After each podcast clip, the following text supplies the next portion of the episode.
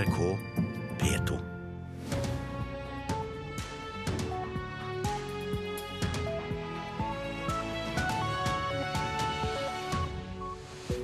Øystein Heggen ønsker deg velkommen til Nyhetsmorgen tirsdag 23. juni. Dette er overskrifter 6.30. Eh, PST ber Frp-politiker kutte kontakten med russiske etterretningsoffiserer. EU-lederne håper på en avtale med Hellas i løpet av de nærmeste dagene. Det går mot eh, hardere kamp om jobbene her i landet. Stort fall i antall ledige jobber. Trafikkaos på Gudvangen fergekai, der busser sperrer for privatbilistene.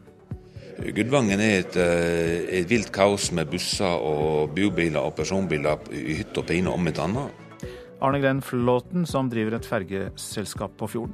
Og vi skal høre at kirkedrapene i USA fører til at det omstridte sørstatsflagget fjernes fra Sør-Carolina. Politiets sikkerhetstjeneste har bedt FrPs stortingsrepresentant fra Hedmark, Tor André Johnsen, om å kutte kontakten med russiske etterretningsoffiserer. Det skriver VG i dag. PST mener Johnsen har hatt for tett kontakt med russiske diplomater, og har hatt eh, bekymringsmøter med Johnsen. Han avviser påstandene og sier til avisa at møtene med PST har vært av normal karakter. Ifølge VG har PST hatt to bekymringsmøter med FrPs stortingspolitiker Tor André Johnsen, og de skal også ha informert FrPs parlamentariske leder Harald Tom Nesvik om møtene. PST rådet Johnsen til å kutte kontakten med navngitte personer ved den russiske ambassaden i Oslo. Dette skal være personer som i møtene ble identifisert som etterretningsoffiserer, som er i Norge under dekke av å være diplomater. Tor André Johnsen sier til VG at hans møter med PST har vært av helt ordinær karakter, men han vil overfor avisa ikke opplyse om hvem av de russiske diplomatene i Norge PST har advart ham mot. Representanter for den russiske ambassaden i Oslo sier til VG at de ikke er enige i oppfatningen av at enkelte diplomater egentlig er etterretningsoffiserer, og PST vil ikke kommentere om de har vært i kontakt med Johnsen. Tor André Johnsen er også varamedlem til den norske delegasjonen til Organisasjonen for sikkerhet og samarbeid i Europa, OSSE, og han skal ha jobbet aktivt for å få Norge til å støtte et omstridt russisk forslag om europeisk sikkerhetspolitikk. Arne Egil Tønseth rapporterte. Skjebnemøte ble det sagt om Europagruppens møte i Brussel i går kveld, men det har vært sagt før, og nok en gang ble en løsning for Hellas' gjeldssituasjon utsatt. Forhandlerne trenger mer tid.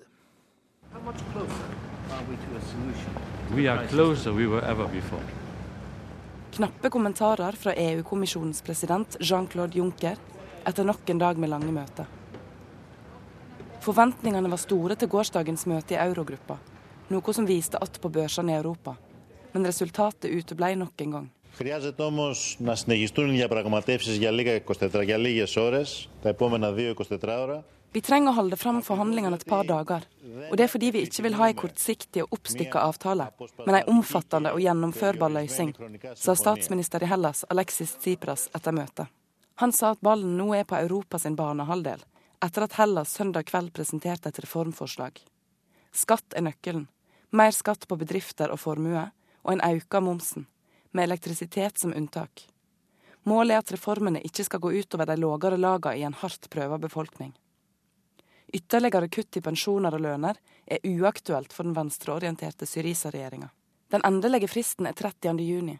Da må Hellas betale tilbake 1,5 milliarder euro til Det internasjonale pengefondet for å få ytterligere lån.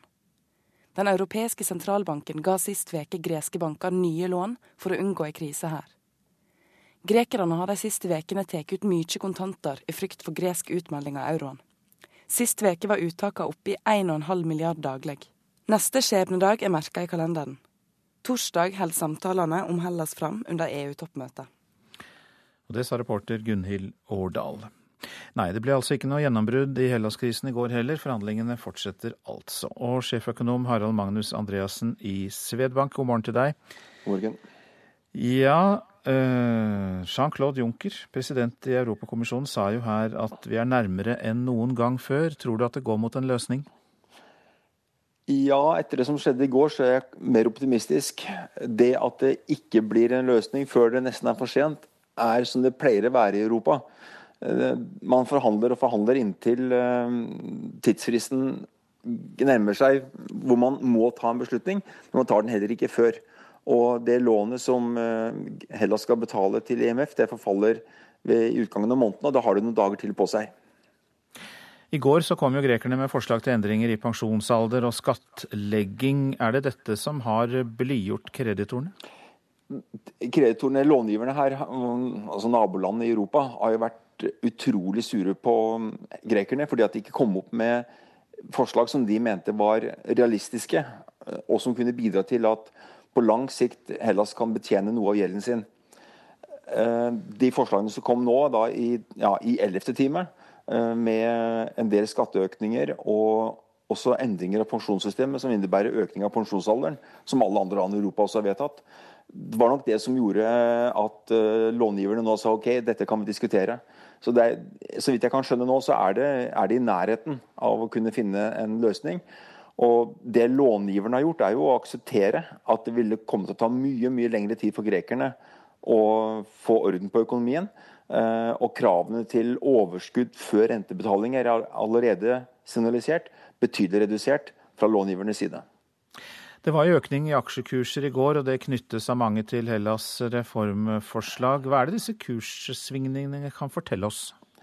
Ja, det forteller oss at uh, markedsaktørene mente at det ble mer sannsynlig, eller ble mer sannsynlig med en en eh, forhandlingsløsning som innebar at grekerne ble medlem av eh, eurosonen fortsatt. Og Det hjalp særlig på de greske bankene. Men nå må huske på at og de steg vel over 20% i går. Men det har jo da falt veldig mye de siste årene og siste dagene. Så det er vel tilbake der det var for en tre dager siden. Og fortsatt er vel aksjekursene ned noe sånn som 99,5% fra toppen. Så det er realiteten er de konkurs. Men Forblir de i eurosonen, så får de låne mer penger av den europeiske sentralbanken, og da går de ikke likviditetsmessig konkurs nå. Kan vi si det slik at det er stor sannsynlighet for at nettopp det skjer? Altså at det ikke blir eh, å kvitte seg med euroen for grekerne, men fortsette i eurosonen? Ja, Grekerne selv ønsker jo sterkt å være medlem av eurosonen. Og så har det, vært, har det nok vært uklart for dem hva det egentlig innebærer. Det ser ut nå som om også regjeringspartiet Syriza, eller mm, regjeringspartiene i Syriza-alliansen eh, skjønner at vi må gjøre noe for å forbli i eurosonen. Og de forslagene kom da rett før det var for sent. Og det har vært en stor irritasjon for naboene for nabolandet at ikke grekerne har kommet med reelle forslag tidligere. Mange takk, sjeføkonom Harald Magnus Andreassen i Svedbank. Så hjem til økonomi og arbeidsliv i Norge, for kampen om eh, jobbene blir hardere i stadig flere bransjer. Ferske tall viser at det er utlyst 30% færre jobber i juni sammenlignet med i fjor. Og nå er det også blitt vanskeligere med å få arbeid i pleie- og omsorgsyrker innenfor utdanning og undervisning. Så eh, både det offentlige og private bremser ansettelsene. Det første som skjer når et arbeidsmarked er på vei nedover, er at bedriftene slutter å annonsere nye stillinger. Gjerne to til tre måneder etter dette her, så begynner de å si opp folk. Og da sier det seg selv at de nyutdannede stiller bakerst i køen. Adil Osmani leder Rubrik.no, søkemotoren som fanger opp de fleste ledige jobbene her i landet. Nytt er det at nedgangen i ledige jobber i helse- og sosialfag er på over 20 og at nedgangen i utlysninger til undervisning og utdanning er over 40 eh, Vi ser dette her tilbake til eh, usikkerhet rundt kommuneøkonomien. Dette vil være typiske jobber på sykehjem, det vil være innen utdannelse, barnehage og de store sektorene som vi alle er avhengig av. Ja, Du får en dobbel dipp som følge av at de eh, reduserer bemanningen i offentlig sektor. Og vi får økt ledighet i privat sektor. Eh, og Da blir, får vi en slags dobbel nedtur, og hvor skatteinngangen og skattebortfallene bidrar. I juni falt det totale antall ledige jobber med 30% fra samme tid i fjor. Bransjene der fallet er større enn det, er nå mange. Offentlige tjenester og forvaltning, olje og gass, ingeniørstillinger, kontor- og personaljobber, kundeservice, økonomi og regnskap. Videre rammes salg og varehandel, transport og logistikk hardt. LOs nestleder Hans Christian Gabrielsen sier regjeringen har fått til det den har styrt mot. Det de er lite tydelige på, er omstilling av hva, til hva, hvorfor og på hvilken måte. Og så langt så har de i hvert fall ikke lagt til rette for eh, en omstilling med tanke på hvordan vi møter det knytta til arbeidsmarkedstiltak, hvordan permitterte kan eh, få økt kompetansen sin osv.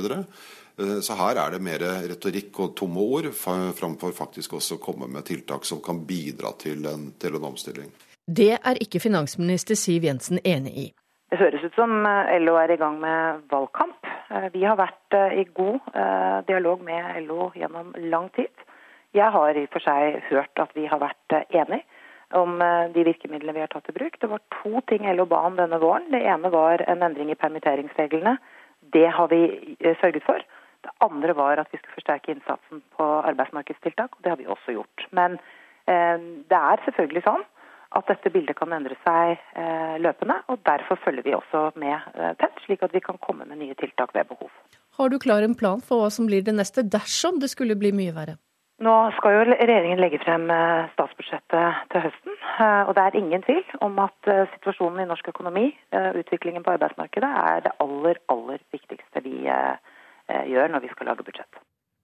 Finansminister Siv Jensen sa det til reporter Hedvig Bjørgum. Riggselskapet Mersk Drilling slipper ikke unna nedgangen i oljesektoren, og varsler at 190 ansatte må gå.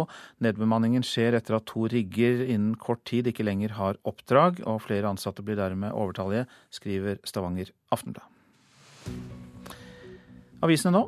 Bygger ned strendene, er oppslaget i Klassekampen. Stadig flere får lov til å bygge i strandsonen. Ifølge en undersøkelse Naturvernforbundet har gjort, fikk mer enn åtte av ti som søkte om tillatelse til å bygge i strandsonen i perioden 2010, nei, 2011 til 2014, tillatelse til det. Holder dødssyke i live for lenge. Det virker som både leger og allmennhet er blitt redde for å la mennesker dø en naturlig død. Det sier en overlege til Vårt Land. Sykehjemspasienter gjenopplives og får intensivbehandling, selv med elendige prognoser. Nakenhet og kropp er blitt tabu, skriver Aftenposten. Nordmenn er mer ukomfortable med nakenhet nå enn på 1970-tallet, mener sexolog Thomas Winther. Eksperter etterlyser seksualundervisning i barnehagene. Levde med mye uro i kroppen. Først som 50-åring fikk hun diagnosen ADHD.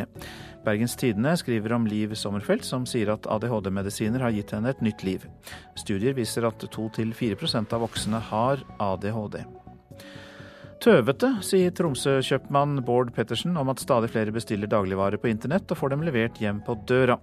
Til Nordlys sier Pettersen at maten i hovedsak kjøpes inn i Sør-Norge og fraktes med tog og båt til Tromsø. Han mener at nordlendinger heller bør støtte opp om lokal produksjon og lokale arbeidsplasser. Her er matpriskjeden som ikke tjener penger, skriver Dagens Næringsliv og viser til bunnpris. Men eh, gigant, mens gigantene i bransjen tjener milliarder, er bunnpris tynget av underskudd, og vurderer å avslutte innkjøps- og distribusjonssamarbeidet med Rema. Kommunen ser helst at alle med kjeledress forsvinner fra området for godt, sier en av arbeiderne på Nyhavna i Trondheim til Adresseavisen. LO kjemper for at området skal bevares som industristed med sine 1800 arbeidsplasser når den nye kommuneplanen skal behandles. Forsikringsselskapene er i alarmberedskap, for sommeren er høysesong for svindelforsøk, kan vi lese i VG. De fleste svindler eh, reisegods, men det er også de som har planlagt sykehusbehandling i utlandet, men forsøker å få det dekket på reiseforsikringen. Vi går ikke rundt og skuler på hverandre, er Dagbladets overskrift til et felles intervju med Erna Solberg og Siv Jensen. Avisen skriver at de to partilederne snakker ut om syriaflyktninger og samarbeidet dem imellom. Så ble det altså tap for de norske fotballjentene i åttendedelsfinalen i VM mot England i går kveld. Etter å ha ledet 1-0 kollapset Norge med en halvtime igjen å spille. Og det fikk eh, Isabel Herlovsen og de andre til å deppe. Det kom jo noen tårer der, da. Eh, det er eh, VM hvert fjerde år, og man begynner jo å tenke på, på det. da. At det er fire år til neste gang. og ja, man sitter egentlig i sin egen boble, og det er veldig dyster stemning, egentlig. Norske spillere strødd rundt på banen i Ottawa. Noen gråt, andre klemte hverandre, mens enkelte bare gikk rett i garderoben. Slik så det ut etter kampslutt i Canada. Eh, veldig, veldig skuffa. Eh, lei meg. Frustrert. Mest skuffa. Sa Lene Mykjåland til NRK etter kampen. Også kaptein Trine Rønning var langt nede etter å ha tapt en kamp man ledet 1-0. Nei, det er jo en uh, dump stemning, rett og slett. Det er litt sånn uh, dystert. Det er mest uh, for at vi er så nære. Det har vært noe helt annet hvis det har blitt tapt 3-0 og blitt rundspilt, rett og slett. Men det er ikke den følelsen man sitter igjen med. I kveld setter keeper Ingrid Hjelmseth og resten av laget seg på flyet hjem til Norge, mens Englands 2-1-seier ga flybillett til Vancouver og kvartfinale. Det er selvsagt kjempesurt, men uh, nivået er ekstremt høy. Vi ser at uh, Sverige har røket, Brasil har røket. så det er ikke hvem som helst nasjoner som har gått ut før oss. Så det er tøft, og nivået er ekstremt høyt. Og reporter i Canada, det var Mats Håby. Dette er Nyhetsmorgen, og klokka den passerte nettopp kvart på sju. Vi har disse hovedsakene. Politiets sikkerhetstjeneste har bedt FrPs stortingsrepresentant fra Hedmark, Tor André Johnsen, om å kutte kontakten med russiske etterretningsoffiserer. EU-lederne håper på en avtale med Hellas i løpet av de nærmeste dagene, men forhandlerne ber om mer tid. Og det går mot hardere kamp om jobbene her i landet. Stort fall i antall ledige jobber. Nå til USA. I går snudde guvernøren i Sør-Carolina og ba delstatsforsamlingen om å fjerne sørstatsflagget fra sitt territorium. Dette flagget ble først brukt i den amerikanske borgerkrigen, men så dukket det opp igjen i 1961, og da som et symbol på motstand mot den svarte borgerrettighetsbevegelsen. Today, we are here in a moment of unity in our state, without ill will, to say it's time to move the flag from the Capitol grounds. I dag opplever vi et øyeblikk med samhold i vår stat og kan si uten vond vilje at det er på tide å fjerne flagget fra hovedstadens territorium, sa guvernøren Nikki Haley. Hun er selv datter av indiske innvandrere og republikaner, men under den viktige kunngjøringen i går var hun omgitt av både demokrater og republikanere, hvite og svarte. Flagget har lenge vært en torn i øyet for den afroamerikanske befolkningen i Sør-Carolina. Den amerikanske borgerkrigen dreide seg grunnleggende om sørstatenes rett til å beholde slaveriet, og konføderasjonsflagget, som det heter, var deres viktigste symbol. I flere tiår var det så borte fra offentlige bygg, før det i 1961 ble tatt fram og vaiet fra toppen av delstatsforsamlingen som en markering mot 1960-tallets svarte borgerrettighetsbevegelse. Etter 19 år med diskusjon om flagget, ble det flyttet fra selve bygningen til en flaggstang ved siden av den offentlige bygningen. Men det kunne aldri fires, så da alle andre flagg hang på halv stang etter massakren sist onsdag, var det kontroversielle sørstatsflagget fortsatt på topp. Det ble umiddelbart et tema, men guvernør Haley holdt igjen og ville ikke støtte kravet om at det skulle fjernes. Det som kanskje fikk henne til å snu, var bildene på hjemmesiden til gjerningsmannen Dylan Roof. Flagget spilte en hovedrolle i flere titalls skrytefoto med Roof, mens USAs offisielle flagg var satt fyr på og trampet ned. I det dypt rasistiske manifestet som ledsaget bildene, forsvarte han egne handlinger med at ingen andre hadde mot til å ta oppgjøret. Det ble helt klart at flagget ble brukt til å legitimere massakren av Den nye kirken, og i det selskapet ønsket ikke guvernør Haley å være.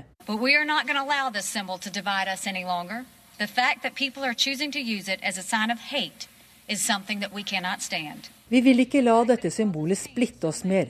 Vi kan ikke tåle at folk bruker det som et hatsymbol, og den smerten det forårsaker for så mange, sa hun i går. Og hun har dårlig tid. Det må to tredels flertall i begge kamrene i delstatsforsamlingen til før flagget blir fjernet. Om ikke de klarer å få ferdigbehandlet saken før sommerferien, så vil jeg bruke mine fullmakter til å kalle inn en ekstraordinær sesjon, sa guvernør Haley til stor applaus. Groholm, Washington. Nå hjem igjen og til uh, turisttrafikken, som uh, kan være kaotisk av og til, særlig da på Gudvangen fergekai ved Nærøyfjorden. Gudvangen er jo en av de viktigste innfallsportene til uh, verdensarvområdet i Sogn, men turistene hindres ofte i å kjøre om bord i fergene pga. feilparkerte busser. Og Arne Glenn Flåten, som driver fergen mellom Gudvangen og Kaupanger, er oppgitt. Gudvangen er et vilt kaos med busser og bobiler og personbiler i hytt og pine om et annet. Arne Glenn Flåten er mektig lei av virvaret på ferjekaien i Gudvangen. Fire ganger om dagen frakter det nyskipa ferjeselskapet Hasfjord 2 mange turister som vil nyte fjordlandskapet mellom Gudvangen og Kaupanger. Men starten på reisa inn i verdensarvområdet er alt annet enn god. Det er dårlig struktur. Eh, det er ingen som bryr seg om hva som står på filen. Så vi opplever at biler blir inneparkerte av busser som skal være med ferja f.eks., og som ikke kommer med av den grunn. Finner ikke igjen sjåføren til å flytte bussen. Og, eh, så det, det, har vært problematisk. Det, det må ryddes opp i. Nei, Skiltingen er helt sikkert for dårlig, så det er jo bare noe man må ta inn over seg. at Det må man bare få gjort noe med. Sier Johannes Dalsbotn, styreleder i Aurland havnevesen, som har ansvaret for ferjekaien i Gudvangen. Dette med parkering av busser som ikke skal være med ferje og inneparkering er jo veldig uheldig, så det må man jo prøve å få løst. Fram til i fjor var det kaiverter i Gudvangen som hjelpte turistene og gav dem beskjed hva de skulle stå med bilene og bussene sine. Reiselivsselskapet The Fjord, som driver ferjeruta mellom Gudvangen og Flåm, arbeider for å få på plass nye kaiverter innen 1.7 i år. Det vil Arne Glenn Flåten gjerne være med og spleise på, slik at òg Fjord 2 kan nytte seg av dem. Hvis vi får en kaivert på land, så kan koordinere mye bedre. Så hindre at grupper kommer om bord på feil båter og vinker for trafikken framover, sånn, slik at vi kan effektivisere den jobben på land, som gjør at folk kommer fortere om bord i båtene. Så tror jeg at dette vil gå voldsomt bra. Vår reporter på fergekaia, Noralv Pedersen. Flere medier ble felt i historiens mest omfattende klage til Pressens faglige utvalg, som ble behandlet av PFU i går. Nå er fire mediehus felt for å ha hengt ut en hjernekirurg basert på hans forskning. Jeg syns ikke noe om å bli felt i PFU. Ikke i det hele tatt. Sier nyhetsredaktør i TV 2, Niklas Lysvåg etter at Pressens faglige utvalg i går hadde gjennomgått de nesten 4000 sidene med klagemateriale som ble sendt inn på vegne av nevrokirurg Per Christian Eide, ble det klart at TV 2 hadde brutt god presseskikk. Vi er både overrasket og kan være litt uenig i noen av dem. PFU behandler klager sendt inn av folk som har opplevd å bli urettferdig behandla av media. Gårsdagens klagebehandling var tidenes største, og klagen gjaldt både TV 2, Aftenposten, Norsk Telegrambyrå og Bergens Tidende. Med unntak av Bergens Tidende ble alle felt på ett eller flere punkter. Bakgrunnen for den rekordstore klagen er altså en nevrokirurg som føler seg uthengt av de innklaga mediene. I forbindelse med et forskningsprosjekt har kirurgen tatt prøver fra hjernene til pasientene sine. De innklaga mediene sine saker har dreid seg om hvorvidt han informerte pasientene godt nok om risikoen ved å gjøre dette. For så vidt fornøyd med Kan ikke si annet. Forteller forlegger Anders Cappelen, som har sendt inn klagen på vegne av Eide. PFU har nå dømt TV 2. Journalistikken er i strid med god presseskikk. Den er uetisk. Til tross for at flere tidligere har sagt at nesten 4000 sider er et unødvendig stort omfang, mener Cappelen det var helt nødvendig. Han trekker parallell til en tidligere PFU-klage sendt inn av kirurg Ratislav Kunda. Da ble ingen mediehus felt i PFU, men Kunda vant i Høyesterett. Da jeg påtok meg ansvaret for dette, så kunne jeg ikke risikere at han skulle gå på samme måte som med Konda. Han tapte helt i PFU, men han vant i Høyesterett. Slik at jeg, som er tvunget til å gjøre dette så grundig som mulig. Leder i PFU, Alf Bjarne Johnsen, forteller at det har vært en del ekstra jobb med akkurat denne saken. Den er tidkrevende.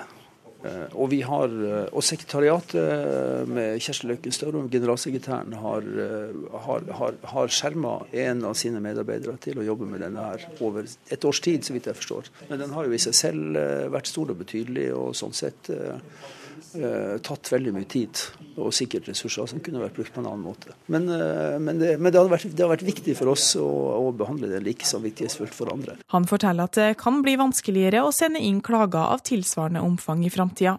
Så har Presseforbundet sagt at en ny klage av samme omfang kan sekretariatet forlange redusert til liksom et, et rimelig omfang. da. Også TV 2 har måttet bruke ressurser som ellers ville blitt brukt bl.a. på journalistisk arbeid. Vi har brukt veldig mye ressurser på å komme med de nødvendige tilsvar og finne ut av ting og sånn her, så, så vi har brukt mye tid på det. Reportasjen var laget av Runa Rød. Nå om en kraftig U-sving i karrieren. For en lege har lidenskapen for millimeterflytting av dokker tatt fullstendig overhånd. Anders Hesbøl velger å legge stetoskopet på hylla og starter på animasjonsstudier i Volda. Inspirasjon har han hentet fra musikken til Stein Torleif Biella. Det første albumet til Stein Torleif traff meg rett i, i mellomgulvet. Altså. Og typegalleriet til Bjella fikk fart på sovende drømmer. Og millimeterflytting av dokker og tolv knips i sekundet på fotoapparatet. Det var den drømmen, ja. Ja. Etter 15 års betenkningstid tør den sindige legen å velge kunsten. Har man muligheten til å liksom virkeliggjøre drømmer, så da må man jo gjøre det. Jeg gleder meg til å se hva han kommer til å skape framover. Sier Stein Torleif Bjella. Et helt bjella-univers av dokker har det blitt. De lager jeg sjøl, ja. De særeste skapninger boltrer seg i fire musikkvideoer. Det er litt sånn insekter og rotter og griser og sånn. Jeg syns alle de der dyra hans, det er liksom eh, Jeg syns det er like presist hver gang. Passelig trash-uttrykk eh, med en slags bygdeestetikk som han òg har fanga veldig bra. Så kan man ta vekk de øynene her. Sånn. Drømmen om dokkene oppsto med barne-TV. To gode naboer som er helt mind-blowing. Så er det selvfølgelig Flåklypa Grand Prix, som er en klassiker. Men det var menneskekroppen og naturvitenskapen som vant over dokkene og kunsten da yrkesvalget måtte gjøres.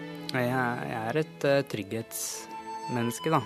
Var ikke klar for sånn hardcore bohem-liv.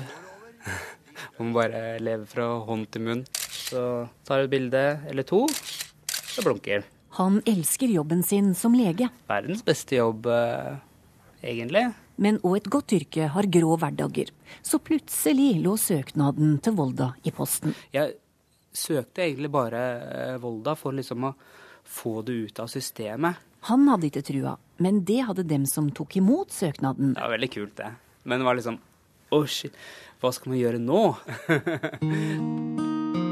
Tårene bare rant ned på laptopen hans når han satt og så den, den videoen som Anders har laget. Tårene tilhørte Roy Lønnhøydens amerikanske plateprodusent. For ei av hans låter har òg fått sin animerte dokkefortelling. Han er flink, da. Han har jo gått inn i låta og virkelig gjort et flott kunstverk med den animasjonen. Jeg må dra så jeg, jeg, er ganske fornøyd med, med valget mitt. Og uh, kan uh, bli hva man vil, bare man blir lege først. ja, det sa Anders eh, Hesbøl. Han ble intervjuet av Torunn Myhre, som hadde laget denne reportasjen. Nå til været. Fjell i Sør-Norge. Først på dagen stort sett opphold. Fra i ettermiddag enkelte regnbyger, kan hende med torden. Flest byger blir det i østlige områder. Østland og Telemark først på dagen litt regn, vestlig da nord for Hamar. Ellers stort sett skyet oppholdsvær. Fra i formiddag regnbyger, kan hende med torden. Agder delvis skyet oppholdsvær. Fra i ettermiddag regnbyger, vesentlig i Aust-Agder. Kan hende med torden også. Utover ettermiddagen nordvestlig stiv kuling på kysten vest for Lindesnes. Rogaland, der blir det delvis skyet, stort sett oppholdsvær. Fra i ettermiddag nordvestlig stiv kuling. Hordaland og Sogn og Fjordane, nordlig opp i stiv kuling på kysten fra i ettermiddag til dels sterk kuling. Blir delvis skyet vær, enkelte ettermiddagsbyger i indre strøk av Hordaland og Sogn og Fjordane, men ellers oppholdsvær i disse to fylkene. Møre og Romsdal periodevis liten kuling på Sunnmøre. Blir skyet vær, utrygt for litt regn og yr. Trøndelag skyet vær, periode med regn og yr også der, vesentlig da i Nord-Trøndelag og i indre strøk av Sør-Trøndelag. Helgeland, Saltfjellet, Salten og Ofoten får stort sett skyet vær. Regnbyger i indre strøk, kan hende med torden. Lofoten og Vesterålen i vest nordøstlig liten kuling som minker til frisk bris, og det blir enkelte regnbyger. Og så var det Troms, der blir det regnbyger, vesentlig i indre strøk. Finnmark på kysten øst for Slettnes fyr liten kuling, periode med regnbyger, og vesentlig i vest og på vidda. Det er også utrygt for torden. Så går vi til Nordensjøland på Spitsbergen, der blir det pent vær. Temperaturer målt eh, klokka fem. Svalbard lufthavn sju, Kirkenes tolv, Varde ni, Alta ti, Tromsø-Langnes åtte. Bodø og Brønnøysund ni, Trondheim, Molde og Bergen ti, Stavanger elleve, Kristiansand ti. Gardermoen og Lillehammer elleve, Røros sju og Oslo-Blindern 13 grader. NRK P2.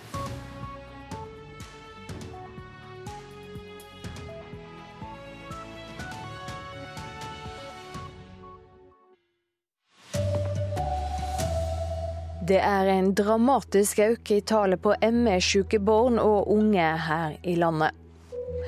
Hellas og långiverne trenger mer tid, men det er håp om en løsning denne veka. Her er NRK Dagsnytt klokka sju. Utmattingssykdommer blant barn og unge voksne øker kraftig. Det er nå fem ganger så mange ME-syke i alderen 10 til 34 som i 2008. Det syner tall fra Norsk pasientregister. Trude Skei i ME-foreninga er uroa over den dramatiske øken. Jeg er veldig forbauset. Og min første reaksjon er jo at dette må man jo finne ut hvorfor det er sånn hva årsaken er, og ikke minst også må man finne en måte å behandle alle disse menneskene på. Det er uh, unge mennesker som har hele livet foran seg, og de trenger å få en behandling. Trass i høye forventninger førte heller ikke euromøtet i går til en løsning på Hellas si gjeldskrise. Innen ei uke må landet betale tilbake 1,5 milliard euro til Det internasjonale pengefondet, men forhandlerne er optimistiske og tror de snart skal klare å få til ei semje. Χρειάζεται όμως να συνεχιστούν οι διαπραγματεύσεις για λίγα 24 για λίγες ώρες. Vi trenger å holde frem forhandlingene et par dager. Og det er fordi vi ikke vil ha en kortsiktig og oppstykka avtale, men en omfattende og gjennomførbar løsning, sa statsminister i Hellas Alexis Tsipras etter møtet. Han sa at ballen nå er på Europas banehalvdel, etter at Hellas søndag kveld presenterte et reformforslag. Reporter Gunhild Årdal. LO-leder Gerd Kristiansen ber Arbeiderpartiet sine ordførerkandidater om å si nei til søndagsåpne butikker før kommunevalget til høsten. Det skriver Dagsavisen. Kristiansen mener Arbeiderpartiet sine folk må være garantister for at det ikke blir søndagsåpne butikker i deres kommuner. Regjeringspartiene Høyre og Frp ønsker et generelt høve til å holde søndagsåpent, mens samarbeidspartiet Venstre går inn for at kommunene sjølve skal få avgjøre. Flere store amerikanske butikkjeder fjerner varer med sørstatsflagget på etter massakren i ei kirke i Charleston forrige uke, der ni afroamerikanere ble drepne. Avgjørelsen ble tatt samme dag som guvernøren i Sør-Carolina ba om at sørstatsflagget skulle takkes ned fra flaggstanga ved delstatsforsamlinga. For eh, mange i USA er flagget et symbol på slaveri og rasisme, mens det for mange i sørstatene er et symbol på deres historie og kultur. Så tar vi med at Norge røyk ut av fotball-VM i natt etter at laget tapte åttedelsfinalen mot England 1-2. Det betyr at de norske fotballkvinnene må reise hjem, mens England møter Canada i kvartfinalen. NRK Dagsnytt Silje Sande. Nyhetsmorgen fortsetter med disse sakene. Politiets sikkerhetstjeneste har bedt FrPs stortingsrepresentant fra Hedmark Tor André Johnsen om å kutte kontakten med russiske etterretningsoffiserer. Hvorfor rammes så mange unge av utmattelsessykdommer, som vi hørte i Dagsnytt? Vi spør en ME-spesialist her i Nyhetsmorgen. Hardere kamp om færre jobber i både offentlig og privat virksomhet. Hvordan skal vi takle et tøffere arbeidsmarked etter mange år med gode tider, spør vi. Og vi skal høre at den ortodokse kirken kan bli den viktigste fredsbevareren i Ukraina.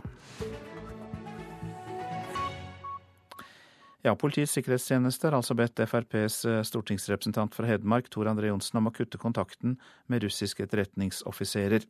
Det skriver VG. PST mener eh, Johnsen har hatt for tett kontakt med russiske diplomater, og har hatt bekymringsmøter med Johnsen.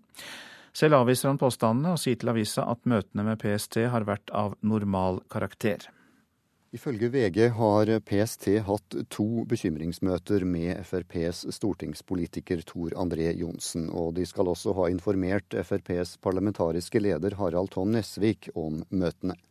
PST rådet Johnsen til å kutte kontakten med navngitte personer ved den russiske ambassaden i Oslo. Dette skal være personer som i møtene ble identifisert som etterretningsoffiserer, som er i Norge under dekke av å være diplomater.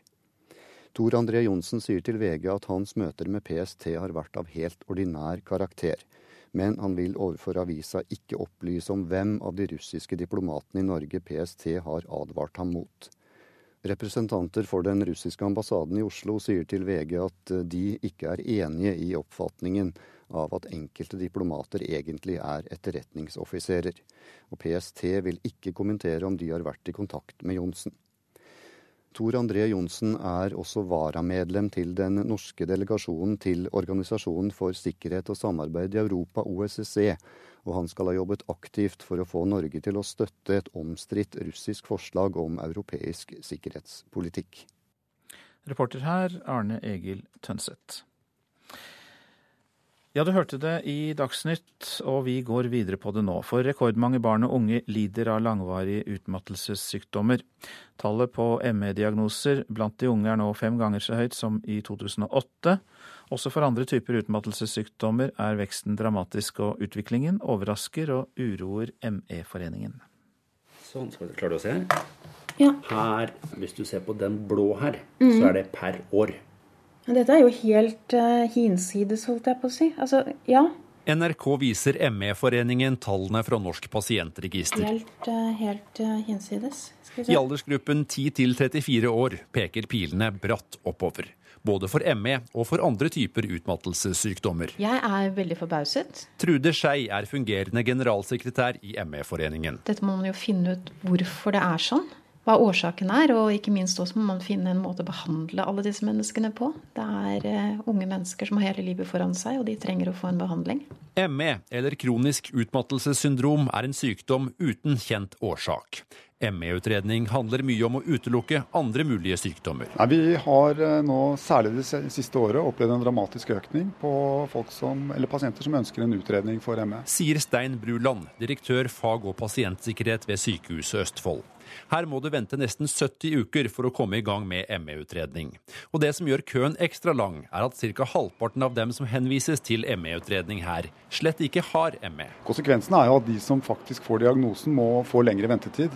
Eh, Og de som da ikke får diagnosen, blir eh, ofte kasteballer i systemet, for man finner ikke helt årsaken til hva som feiler dem. Hvis jeg var helsemyndighetene, så ville jeg begynt å få eh, sagt IK. Trude Skei i ME-foreningen sier altfor mange vet altfor lite om ME i Helse-Norge. En del leger begynner å få et veldig godt grep om ME og god forståelse av det. Men eh, dessverre så er det fremdeles noen som møter med veldig manglende respekt og tror at ME er en tullesykdom, eller at den rett og slett ikke fins. Og eh, det er fryktelig leit for pasientene. De som eh, sier vondt i viljen, hva sier du til dem?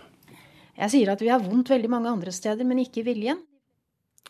Og I fjor eh, så var det over 1500 mennesker i alderen 10 til 34 år som fikk ME, og reporter var Fredrik Lauritzen. Ingrid B. Helland, god morgen. God morgen. Du er overlege, leder av Nasjonalt kompetansesenter for ME. Og hvorfor tror du flere unge rammes? Nei, dette vet vi veldig lite om. Eh, Det blir bare spekulasjoner hvis vi skal si noe om hvorfor det har blitt så stor økning. Men det kan jo også være at det er flere som er blitt oppmerksom på denne tilstanden, og at det er derfor flere som blir henvist og får diagnosen. Ja, Vi hørte jo innslaget på slutten her at eh, noen kaller det tullesykdom og vondt i viljen. Altså det er reaksjoner ME-foreningen møter. Hva svarer du til de påstandene? Vi som treffer denne pasientgruppen, ser jo at dette er en, en gruppe med alvorlig sykdom, med, stort funksjonsfall og stor lidelsesbyrde. Så, så dette er ikke en innbilt sykdom. Det, det, er, det, det er en gruppe som eh, trenger oppmerksomhet og trenger å bli tatt på alvor. Men likevel så vet man vel ikke så mye om sykdommen? Den, har, den kommer i mange ulike varianter. Vi vet ikke hva som er årsak til tilstanden og, og hva som holder den ved like. Det, det er riktig. Dette med at den kommer i flere forskjellige varianter, eh, det er ja, alvorlig, for, forskjellig alvorlighetsgrad. Men mange opplever jo et svingende forløp, hvor det i én fase ligger et mørkt rom og ikke tåler noen for, lite stimulering, mens de i andre perioder kan være oppe og gå. Men øh, hva kan være årsaken til at øh, det svinger så veldig mellom de ulike gruppene som får sykdommen? Det vet vi veldig lite om i dag.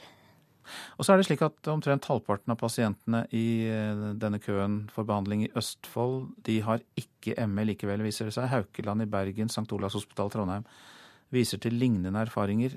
Eh, Hva kan være årsaken til det at man stiller seg i denne køen, og så viser det seg at man likevel ikke har ME? Det kan jo være noe med henvisningspraksis. At, eh, at man kunne silt litt bedre i forkant, før man henviste. Eh, Det er nok eh, litt manglende kunnskap om tilstanden rundt omkring i det medisinske miljøet.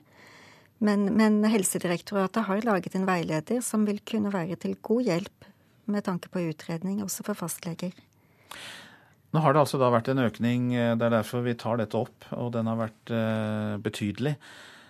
Kan vi bruke ordet epidemi, eller kan vi være så frekke å bruke ordet motesykdom her? Nei, Jeg vil ikke kalle det noen av delene. Vi ser en, en, en reell økning i de som får eh, diagnosen. Men hva dette skyldes, det, det tør jeg ikke spekulere om. Det er vi jo spente på. Helt til slutt, Ingrid B. Helland. Hvordan er eh, norsk og internasjonal forskning på dette området for å komme til bunns i dette med utmattelsessykdommer? Det gjøres jo en del forskning, men, men, eh, forskningen har delvis vært fragmentert, og kvaliteten på den har ikke alltid vært like god. Men, men det er en økende grad av forskning, men, men, vi trenger veldig mye mer. Mange takk for at du kom til oss i Nyhetsmorgen, Ingrid B. Helland, som er leder av Nasjonalt kompetansesenter for ME.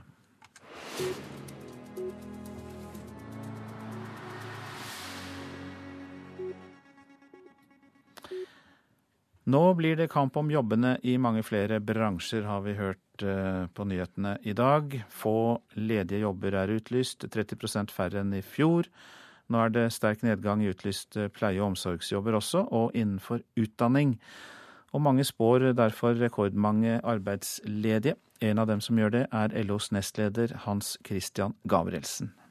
Altså, vi er inne i en situasjon hvor vi har den høyeste ledigheten på nesten 22 år.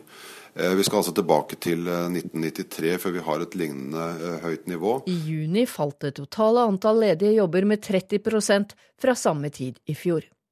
Bransjene der fallet er større enn det, er nå mange. Offentlige tjenester og forvaltning, olje og gass, ingeniørstillinger, kontor- og personaljobber, kundeservice, økonomi og regnskap. Videre rammes salg og varehandel, transport og logistikk hardt. Det er helt tydelig at arbeidsmarkedet i år og kommende måneder kommer til å være veldig mye kjøligere enn det det var bare for et år siden. Det vi ser er at Antall stillinger som ble utlyst er på et veldig mye lavere nivå enn det var på samme tid i fjor. Adil Osmani leder rubrikk.no, søkemotoren som fanger opp de fleste ledige jobbene her i landet.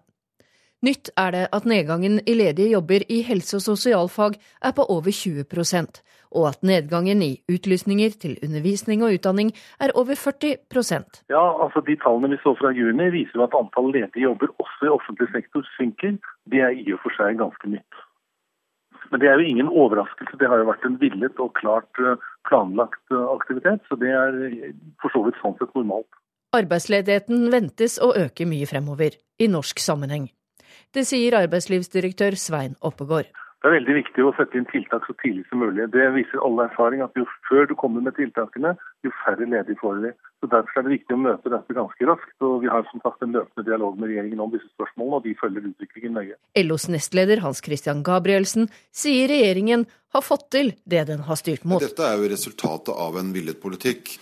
Det at du nå ser resultatet i forhold til færre stillinger i kommunen, er jo et resultat av at man heller ikke kompenserer den skattefallet som, som, har skjedd som følge av eh, færre jobber i, i petroleumssektoren. Man burde i hvert fall ha en mye mer aktiv eh, politikk, og ikke en sånn vente-og-se-politikk som denne regjeringen har. Eh, man er konstant på etterskudd. Man burde kunne stimulert kommuneøkonomien langt mer enn det man faktisk har gjort. Det er ikke finansminister Siv Jensen enig i. Det høres ut som LO er i gang med valgkamp. Eh, vi har vært eh, i god eh, dialog med LO gjennom lang tid. Jeg har i og for seg hørt at vi har vært enige om de virkemidlene vi har tatt i bruk. Det var to ting LO ba om denne våren. Det ene var en endring i permitteringsreglene. Det har vi sørget for. Det andre var at vi skulle forsterke innsatsen på arbeidsmarkedstiltak, og det har vi også gjort. Finansminister Siv Jensen der, og reporter var Hedvig Bjørgum. Roger Bjørnstad, god morgen til deg. Du er ekspert i arbeidsmarkedet, og du er sjeføkonom i Samfunnsøkonomisk analyse. Og eh, dette vanskelige stillingsmarkedet, vil dette bare fortsette å forverres? Ja, Det har vært et uh, omslag i norsk økonomi som uh, spiller seg tilbake til i fjor uh, i petroleumssektoren, og med nedgang i oljeinvesteringene og halvering av oljeprisen osv. Det vi ser nå, er at dette har spredd seg til resten av økonomien. Og kommunene har opplevd en skattesvikt som de igjen har møtt med å kutte ned på nye stillinger. Eh, og arbeidsledigheten har steget relativt dramatisk i flere måneder. Eh, og at stillingenes utlysningene nå faller eh, drastisk, tyder på at dette vil fortsette i tiden framover. NHO spår jo at arbeidsledigheten kan komme til å øke til 4,5% Hva betyr det i en norsk sammenheng? Ja, det er riktig som vi hører her at dette er uh, høyt i norsk sammenheng. Vi må langt tilbake i tid for å finne tilsvarende høy arbeidsledighet. Og vi skal huske på at uh, vi har en innvandring til Norge på rundt 40 000 personer uh, årlig. Og det krever at norsk økonomi har en tilsvarende sterk sysselsettingsvekst. Og det vi ser nå, er jo da at sysselsettingen flater ut. Og dette regnestykket går jo ikke opp. Nei, så det bidrar da til at det blir tøffere å håndtere. Bedriftene vil ha lavere skatter for å kunne svare på denne omstillingen de trenger. Hva tror du om eh, den muligheten? Ja, skattelette er nok ikke det viktigste svaret for å skape nye arbeidsplasser. Eh, skatt på eksisterende kapital og eksisterende arbeidsplasser Eh, skaper ikke nødvendigvis nye. Det er eh, rett og slett eh, kundene som skaper arbeidsplasser, og for at kundene skal bruke penger, så må de ha framtidstro og ikke spare. Så det som trengs nå, er antageligvis mye mer midler gjennom offentlige budsjetter, og antageligvis for å kompensere skattesvikten som har skjedd i kommunene. Men er det bare de offentlige budsjettene som kan brukes til å skape en mykere overgang, eh, bidra til at vi kommer gjennom denne perioden og går over i bedre tider etter hvert? Ja, altså Vi snakker her om to forskjellige ting, føler jeg. Det ene er overgangen fra petroleumsøkonomi til annen eksportrettet virksomhet. og Det er en omstendelig prosess og, og, og langvarig prosess som vi må jobbe aktivt med både i næringspolitikken og sikkert også skattepolitikken. Men det andre er den konjunkturnedgangen vi nå ser. Den rammer serviceyrker og de store eh, arbeidsplassene i kommunene. Eh, og da eh, er det andre virkemidler som må tas i bruk. Og, og, og, og, tradisjonelt så har Norge løst dette på en god måte, men det er å tilpasse statsbudsjettet til tidene i norsk økonomi.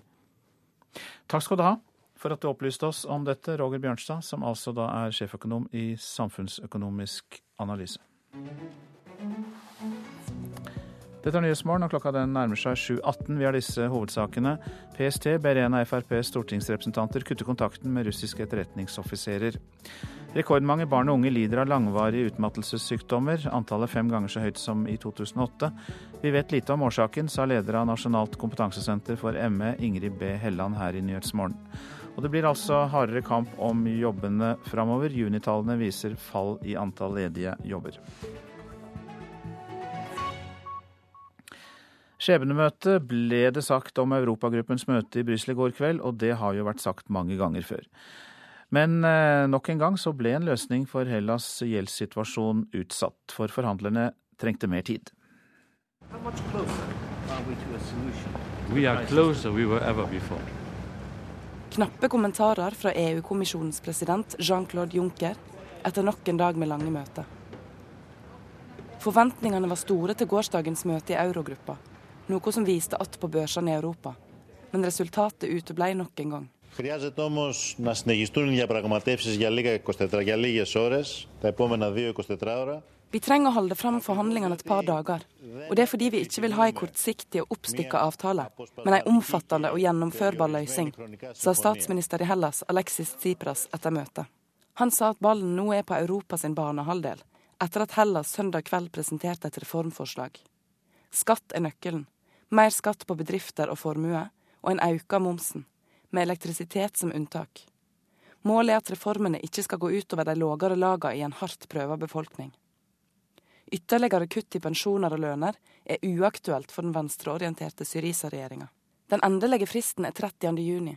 Da må Hellas betale tilbake 1,5 milliarder euro til Det internasjonale pengefondet for å få ytterligere lån. Den europeiske sentralbanken ga sist veke greske banker nye lån for å unngå ei krise her. Grekerne har de siste vekene tatt ut mye kontanter i frykt for gresk utmelding av euroen. Sist veke var uttakene oppe i 1,5 milliard daglig. Neste skjebnedag er merka i kalenderen. Torsdag holder samtalene om Hellas fram under EU-toppmøtet. Gunhild Årdal var reporter. Den ortodokse kirken er den viktigste fredsbevareren i Ukraina i dag. Det mener overhodet for russisk-ortodokse kirken, patriark Kiril. Men den russisk-ortodokse kirken eh, den står i fare for å miste innflytelse pga. denne konflikten.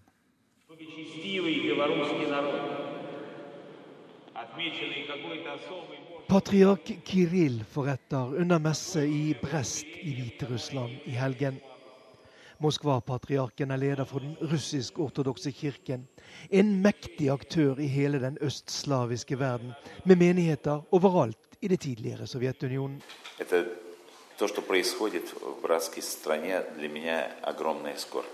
Men det er en bekymret patriark som det siste året har sett at hans undersåtter har slåss på begge sider av frontlinjene i konflikten i Ukraina.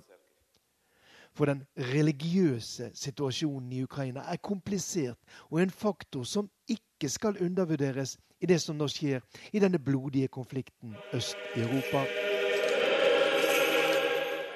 Da Sovjetunionen gikk i oppløsning for snart 25 år siden, klarte den russisk-ortodokse kirken å bevare kontrollen over størsteparten av kirkene i Ukraina selv om det også oppsto to egne ukrainsk-ortodokse kirker, i tillegg til den spesielle gresk-ortodokse kirken som lyder under paven i Roma.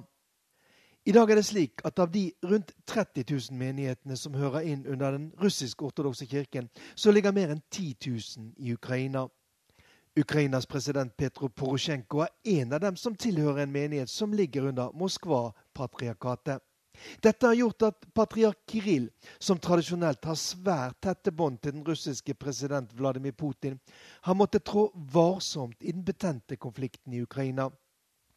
Kirill valgte derfor ikke å være til stede i Kreml i Moskva 18.3 i fjor, da hele det offisielle Russland feiret at Russland hadde tatt tilbake Krimhalvøyen fra Ukraina. И, как вы знаете, церковь, православная каноническая церковь, den ortodokse kirken har sine menigheter både i Øst- og Vest-Ukraina, sa Kiril i et TV-intervju i helgen. I det som tydeligvis er en vel planlagt kampanje for å vise at den russisk-ortodokse kirken ikke ønsker å binde seg til en ubetinget støtte til en av partene i konflikten. For allerede nå morrer det i mange av de ortodokse menighetene i Ukraina, som formelt fremdeles hører inn under Moskva selv om den Moskva-tro ortodokse kirken i Ukraina har en stor grad av selvstyre og selv får utnevne sine prester, så er det mange som nå ønsker å bryte helt med Moskva og danne én felles ukrainsk-ortodoks kirke med tilknytning til patriarken i Konstantinopel, Istanbul. Forberedende møter for å få til dette har allerede vært avholdt, selv om lederen for den Moskva-tro ortodokse kirken i Ukraina, metropolit Onofrius, er imot dette. И сегодня наша церковь является единственной организацией на Украине и единственной силой, men nå prøver altså patriark Kirill og hans russisk-ortodokse kirke å framstå som den eneste kraft som kan skape fred i det splittede Ukraina. Det er tydelig at patriarken med dette ønsker å komme på banen i konflikten og hindre at verdens største ortodokse kirke blir splittet og dermed mister innflytelse. Spørsmålet mange stiller, er om dette kommer for seint, og at Kiril på et langt tidligere tidspunkt burde ha distansert seg fra den offisielle russiske politikken, som åpent har støttet de prorussiske separatistene i Ukraina. Morten Jentoft, Moskva. Så litt om det avisen er opptatt av i dag. Bygger ned strendene, er oppslaget i Klassekampen. Stadig flere får lov til å bygge i strandsonen, ifølge en undersøkelse Naturvernforbundet har gjort. Og den viste at mer enn åtte av ti som søkte om tillatelse til å bygge i strandsonen i perioden 2011 til 2014, fikk lov til det. Holder dødssyke i live for lenge? Det virker som både leger og allmennhet er blitt redde for å la mennesker dø en naturlig død. Det sier en overlege til Vårt Land. Sykehjemspasienter gjenopplives og får intensivbehandling selv med elendige prognoser. Nakenhet og kropp er blitt tabu, skriver Aftenposten. Nordmenn er mer ukomfortable med nakenhet nå enn på 1970-tallet, mener sexolog Thomas Winther.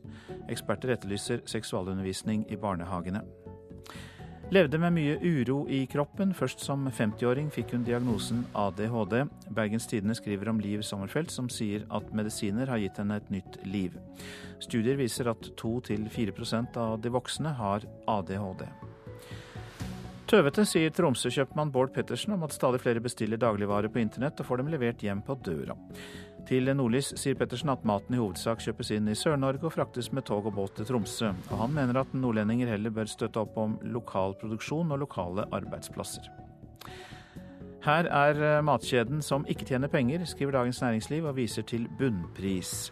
Mens gigantene i bransjen tjener milliarder, er bunnpriskjeden tynget av underskudd og vurderer å avslutte innkjøps- og distribusjonssamarbeidet med Rema. Kommunen ser helst at alle med kjeledress forsvinner fra området for godt, sier en av arbeiderne på Nyhavna i Trondheim til Adresseavisen. LO kjemper for at området skal bevares som industristed med sine 1800 arbeidsplasser når den nye kommuneplanen skal behandles. Forsikringsselskapene er i alarmberedskap, for sommeren er høysesong for svindelforsøk, kan vi lese i VG. De fleste svindelforsøk gjelder reisegods, men det er også de som planlegger sykehusbehandling i utlandet, men forsøker å få det dekket inn på reiseforsikringen. Vi går ikke rundt og skuler på hverandre, er Dagbladets overskrift til et felles intervju med Erna Solberg og Siv Jensen. Avisen skriver at de to partilederne snakker ut om syriaflyktninger og samarbeidet dem imellom i dette intervjuet. Kravet til båtførere bør bli strengere. Det mener Redningsselskapet, som vil at båtførerprøven også skal inneholde en praktisk del. Også båtførere NRK har snakket med, mener behovet for en praktisk øvelse har økt. Eh, hvis du skal kjøre i stor fart, så kreves det mye mer kunnskap. Med blikk og hvor, hvor du er hen og på kartet. Det er farta som er det verste, ikke størrelsen på båten. Før så kjørte det bare rundt i fem-seks knop med en snekke. Verst som kunne hende da, er at du sto på skjæret og måtte få hjelp til å bli dradd av. For Odd Johansen og kona Liss Bente Johansen er båtsesongen i gang. De to er erfarne etter mange år på sjøen, men har likevel valgt å ta båtførerprøven. De to mener både teori og praksis er viktig for å være en trygg båtfører. Når jeg tok båtførerprøven, så tok jeg den sammen med begge våre barn, som er voksne, og de har også båtførerprøven. Og sønnen vår har jo båt nå, så han har jo nytte av det. Fra 2010 ble det bestemt at alle som er født etter 1980 må ha båtførerbevis for å føre båt. Slik det er i dag får man båtførerbevis etter å ha gjennomført teorikurs og avlagt teoriprøve.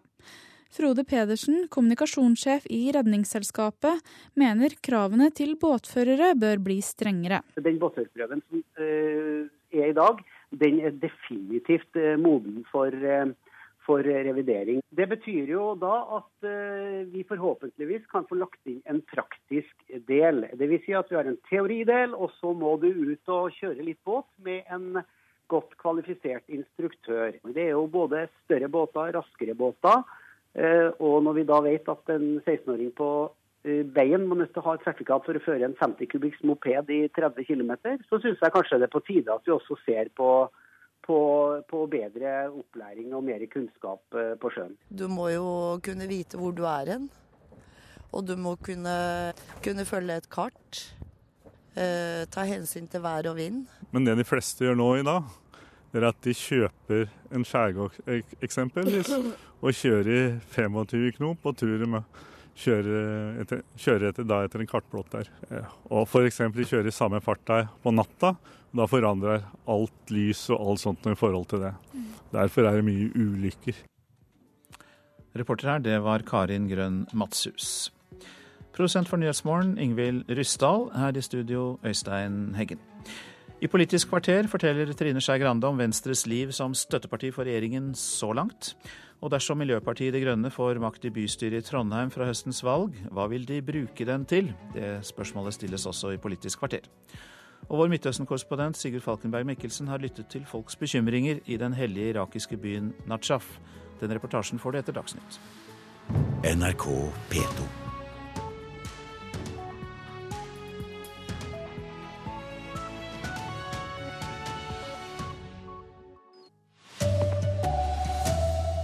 PST har advart Frp-politiker etter tett kontakt med russiske diplomater.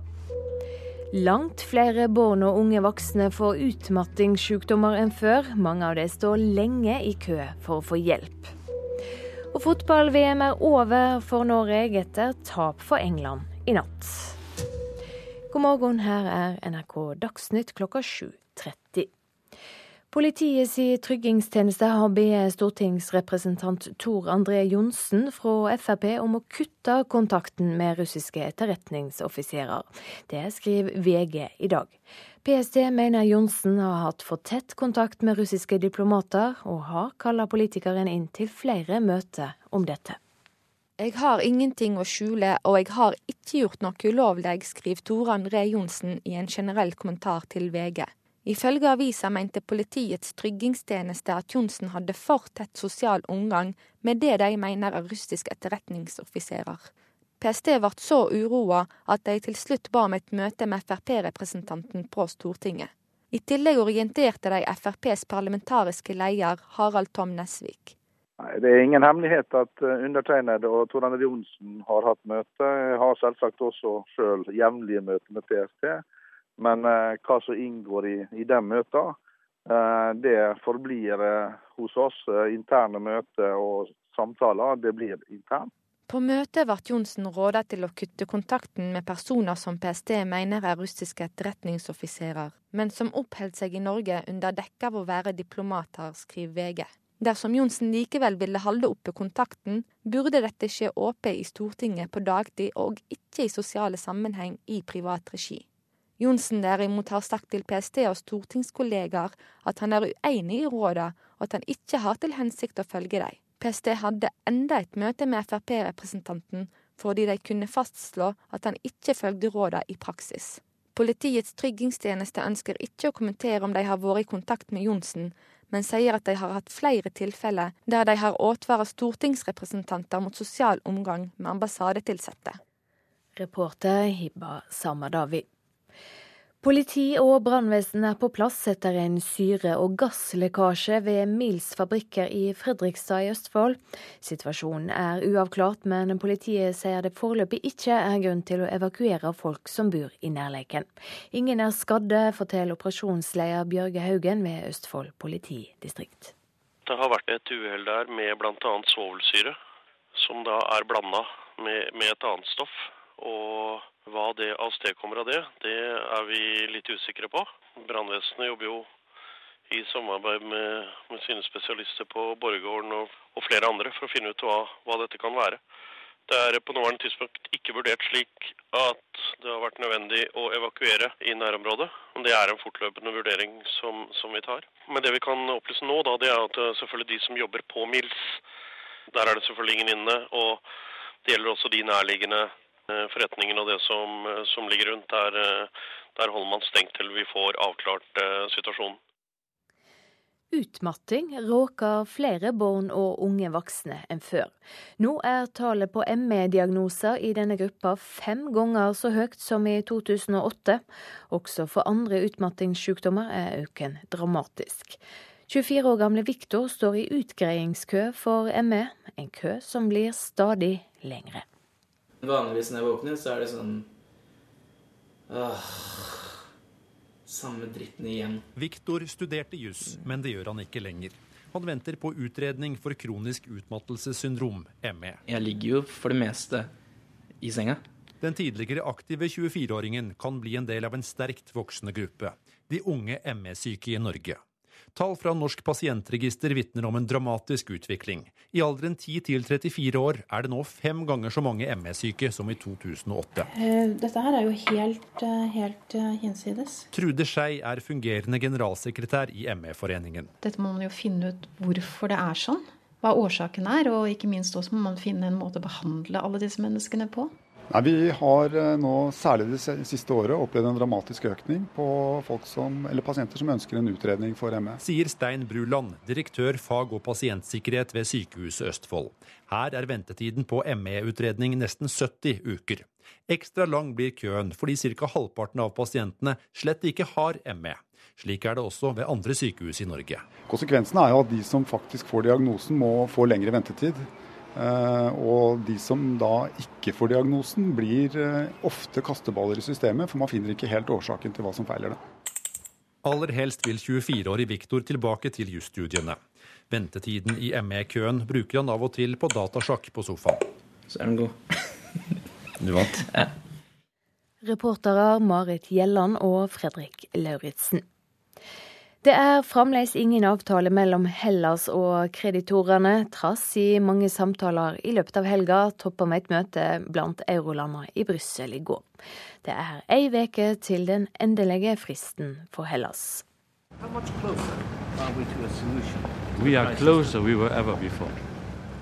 Knappe kommentarer fra EU-kommisjonens president Jean-Claude Juncker etter nok en dag med lange møter. Forventningene var store til gårsdagens møte i eurogruppa, noe som viste att på børsene i Europa. Men resultatet uteble nok en gang. Χρειάζεται όμως να συνεχιστούν οι διαπραγματεύσεις για, λίγα 24, για λίγες ώρες, τα επόμενα 2-24 ώρα. Vi trenger å holde fram forhandlingene et par dager. Og det er fordi vi ikke vil ha en kortsiktig og oppstykka avtale, men en omfattende og gjennomførbar løsning, sa statsminister i Hellas Alexis Tsipras etter møtet. Han sa at ballen nå er på Europas banehalvdel, etter at Hellas søndag kveld presenterte et reformforslag. Den endelige fristen er 30. juni. Da må Hellas betale tilbake 1,5 milliarder euro til Det internasjonale pengefondet for å få ytterligere lån. Den europeiske sentralbanken ga sist veke greske banker nye lån for å unngå ei krise her. Grekerne har de siste vekene tatt ut mye kontanter i frykt for gresk utmelding av euroen. Sist veke var uttakene oppe i 1,5 milliard daglig. Neste skjebnedag er merka i kalenderen. Torsdag holder samtalene om Hellas fram under EU-toppmøtet. Reporter Gunhild Årdal. Oljenedturen smitter. Nå blir det kamp om jobbene i en rekke bransjer her i landet. 30 færre jobber er utlyst i høve til i fjor. Roger Bjørnstad er sjeføkonom i Samfunnsøkonomisk analyse. Det har vært usikkert eh, hvor store ringvirkninger som kommer fra denne nedturen i petroleumssektoren. Men det vi nå ser, både i ledighetstallene, men også i disse stillingsannonsene, er at det har smittet over på andre store sektorer i økonomien. Og da må vi forvente at eh, nedturen også blir bred. Det sier Roger Bjørnstad om de siste tallene i arbeidsmarkedet. Nytt er det med sterk nedgang i ledige jobber i helse- og sosialfag, utdanning og undervisning, samt andre offentlige tjenester. Adil Osmani leder søkemotoren rubrikk.no og fanger opp de fleste ledige jobbene. Han er overrasket over fallet på 30% fra juni i fjor til i år. Det kommer til å bli verre før det blir bedre. LOs nestleder Hans Christian Gabrielsen sier regjeringen har fått til det den har styrt mot. Altså, vi er inne i en situasjon hvor vi har den høyeste ledigheten på nesten 22 år. Vi må slutte å sende folk ut i passiv trygd. Og da mener jeg man har en gyllen mulighet nå, hvis man virkelig vil og mener noe med dette med omstilling, tilrettelegger man bedre gjennom uh, arbeidsmarkedstiltak og gjennom å kunne bruke også permitteringstida til uh, bedriftsintern opplæring. Nå skal jo regjeringen legge frem uh, statsbudsjettet til høsten. og Det er ingen tvil om at situasjonen i norsk økonomi, utviklingen på arbeidsmarkedet, er det aller, aller viktigste. Ja, Det sa til slutt finansminister Siv Jensen. Reporter Hedvig Bjørgum. Norge er ute av fotball-VM. Etter å ha leia 1-0 mot England enda kampen med 2-1-tap. Isabel Herlovsen og de andre spillerne var svært skuffa i natt. Det kom jo noen tårer der, da. Eh, det er VM hvert fjerde år, og man begynner å tenke på, på det. da. Eh, at det er fire år til neste gang. og Man sitter egentlig i sin egen boble, og det er veldig dyster stemning, egentlig. Norske spillere strødd rundt på banen i Ottawa. Noen gråt, andre klemte hverandre, mens enkelte bare gikk rett i garderoben. Slik så det ut etter kampslutt i Canada. Eh, veldig, veldig skuffa. Eh, lei meg. Frustrert. Mest skuffa. Sa Lene Mykjåland til NRK etter kampen. Også kaptein Trine Rønning var langt nede etter å ha tapt en kamp man ledet 1-0. Nei, det er jo en eh, dump stemning, rett og slett. Det er litt sånn eh, dystert. Det er mest eh, for at vi er så nære. Det har vært noe helt annet hvis det har blitt tapt 3-0 og blitt rundspilt, rett og slett. Men uh, det er ikke den følelsen man sitter igjen med. Reporter Mats Håby. Ansvarlig for Dagsnytt Anne Skårseth, Hanne Lunås og Silje Sande.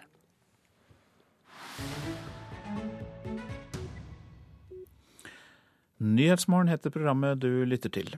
Krig herjer, som vi vet, nord i Irak, men ikke sør for Bagdad. Likevel er folk også der bekymret, også i den hellige byen Najaf. Der har vår Midtøsten-korrespondent Sigurd Falkenberg Mikkelsen vært. En gammel dame trilles inn over nye og skinnende rene marmorfliser. En ung jente leker. Familier som rusler rolig til de nye gjennomsiktige plastboksene med nøkkel, hvor man legger fra seg sko før man trer inn i det aller helligste. Over dem henger gigantiske parasoller og lerreter som beskytter de troende mot den brennhete solen, etter sigende levert av en tysk produsent. På den andre kanten av byen er det laget en ny og moderne handlegate. Sjiamuslimenes hellige by Najaf her i Irak er ikke hva den en gang var.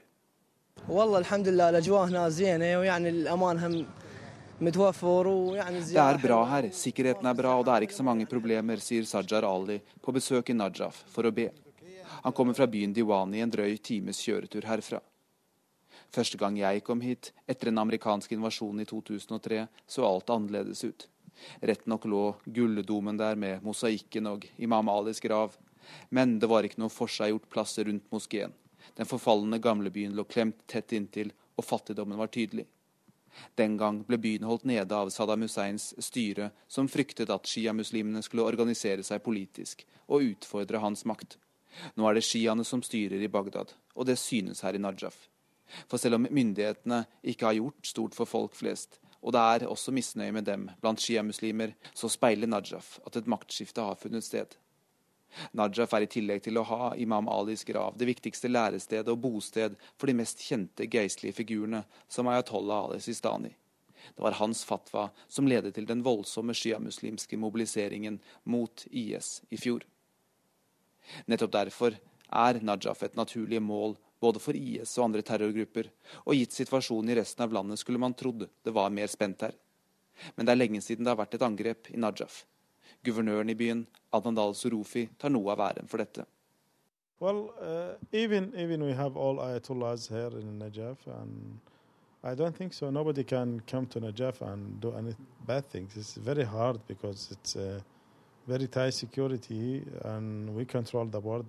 Han sier at selv om alle ayatollahene bor her, tror han ikke noen kan angripe Najaf. Han sier de har et godt samarbeid med hæren, etterretningen og de sjiamuslimske militsene, og at de har fokusert på grensene. De har fjernet kontrollpostene inne i byen, men de holder veldig god kontroll med grensene, mener han. Storpolitikk, spiritualitet, politisk interne feider, religion. Vil freden holde i Najaf? For selv om krigen i Irak føles langt unna, kommer en brutal påminnelse om hva som står på spill her mens jeg står inne på moskéområdet. Fire kister bæres inn. Fire menn fra en av de sjiamuslimske militsene drept i kamper nord i Irak mot IS. IS som fortsatt kontrollerer store deler av de sunnimuslimske områdene.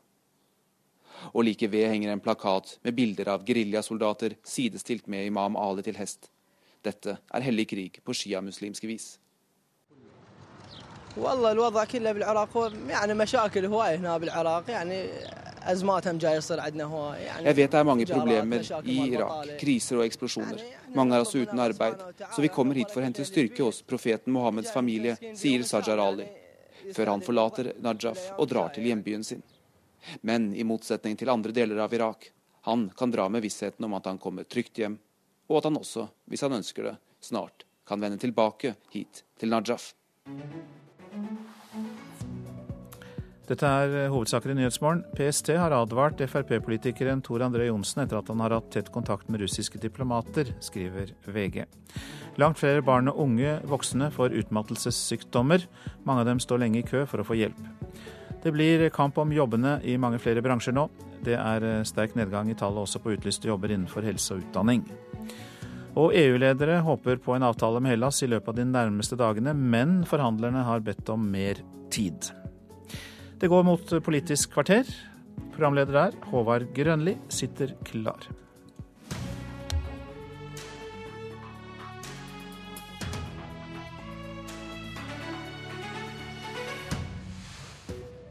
Hvor alvorlig er en Frp-representants kontakt med russiske diplomater? Politisk kvarter spør sjefen hans. Og tror Venstre-leder Trine Skei Grande at det faktisk kan bli blå-grønn regjering i løpet av perioden? Grande er på besøk i Politisk kvarter. Vi kaster aller først blikket på VGs oppslag i dag om at PST har advart FrPs stortingsrepresentant Tor André Johnsen fordi han har hatt for nær kontakt med russiske diplomater, eller det PST skal frykte er etterretningsoffiserer. Historia dreier seg også om at den samme representanten har støtta et omstridt russisk forslag eh, som delegat til OSSE. Forslaget ville ut fra konteksten kunne leses som støtte til Russlands linje i Ukraina-konflikten, og Johnsen var en av bare to vesteuropeiske parlamentarikere som støtta dette russiske forslaget i OSSE. OSSE. Politisk kvarter snakka med FrPs parlamentariske leder Harald Tom Nesvik på telefon for eh, kort tid siden. Vi spurte hvor alvorlig Frp ser på den kontakten stortingsrepresentant Johnsen har hatt med russiske diplomater. Det er klart det at eh, man skal være svært varsom eh, i sånne saker. Det legger vi til grunn, og det skal man selvsagt etterkomme. Og når PST gir råd, så følger vi disse. Ja, men ifølge VG så sa jo Johnsen seg i første omgang uenig i rådene fra PST. Hva gjorde du med det, da, som hans eh, gruppeleder? Nei, Det er ingen hemmelighet at eh, undertegnede og Tor André Johnsen har hatt møte. Jeg har selvsagt også sjøl jevnlige møter med PST. Men eh, hva som inngår i, i de møtene, det forblir hos oss interne møter og samtaler. Det blir internt. Har partiet kommet med tiltak overfor uh, Johnsen etter at han fikk advaringa fra PST? Jeg kan ikke kommentere hva som skjer uh, internt. Uh, Johnsen er varamann til, til OSSE. Det er Åse Michaelsen som er den faste representanten. Slik at dette er en OSSE-delegasjon, og man er valgt inn her som, som vara og som fast, de enkelte representantene. Utover det så kan jeg ikke kommentere interne forhold. Men Tor André Johnsen er jo stortingsrepresentant, det er vel det som er det viktigste sikkerhetsperspektivet her? Ja da, og derfor så sier jeg helt klart at uh, vi har hatt samtaler, selvsagt har vi det. Og vi følger samtlige råd som PST gir oss. Bør en være varsom med den type kontakt som Tor André Johnsen har hatt med eh, folk fra den russiske ambassaden? Nå er det så vidt meg bekjent flere som har hatt møte med folk fra den russiske ambassaden. Det er selvsagt viktig å opprettholde kontakt med forskjellige land eh, der man kan eh, få ulike synspunkt. Men i den situasjonen som vi står i, så skal man selvsagt være varsom med den type kontakt. Ja, Mener du den typen kontakt han hadde, ble problematisk? Det er veldig vanskelig for meg å si, for at jeg kjenner ikke eh, direkte til og kan ikke bekrefte eller avkrefte det som eh, står i den VG-artikkelen. Det eneste som jeg kan si, er at eh, han har selv gitt beskjed om og vist til at eh, han har da selvsagt orientert PST. Det er den veien man går gjennom. Og jeg har selvfølgelig selv også jevnlige møter med PST om ulike forskjellige sammenhenger. Og når PST gir råd, så følger vi de rådene. Og det betyr da at du vurderer den kontakten han hadde hatt eh, med andre lands diplomater som problematisk, all den tid PST så seg nødt til å komme med råd? Jeg kjenner ikke til uh, hvorvidt at disse tingene er, er korrekte. Det må du nesten spørre Tor André Johnsen om. Men for, fra min side så skal vi alltid følge de råd PST gir oss. Og det er Fremskrittspartiet sin politikk. Og rådet her var å kutte kontakten. Eh, har eh, FrPs stortingsrepresentant kutta kontakten med disse diplomatene etter at dette rådet kom?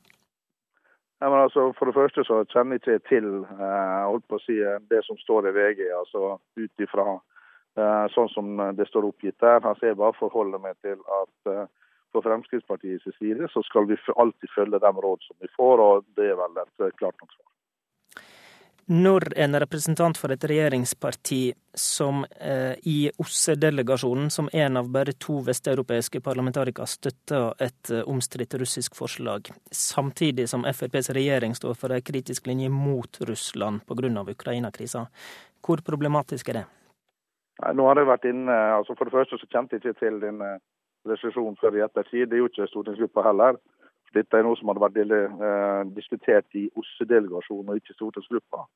Eh, jeg har lest resolusjonsteksten i utgangspunktet, og teksten i seg selv er ikke problematisk i det hele tatt. Den henviser til FN og en del sånn forskjellige andre ting. I den konteksten, altså dem som er fremmede som her, det kan se ut som man får eh, kritikken for. Og Da er det viktig at eh, vi foretar uh, de vurderingene sammen med stortingsgruppa.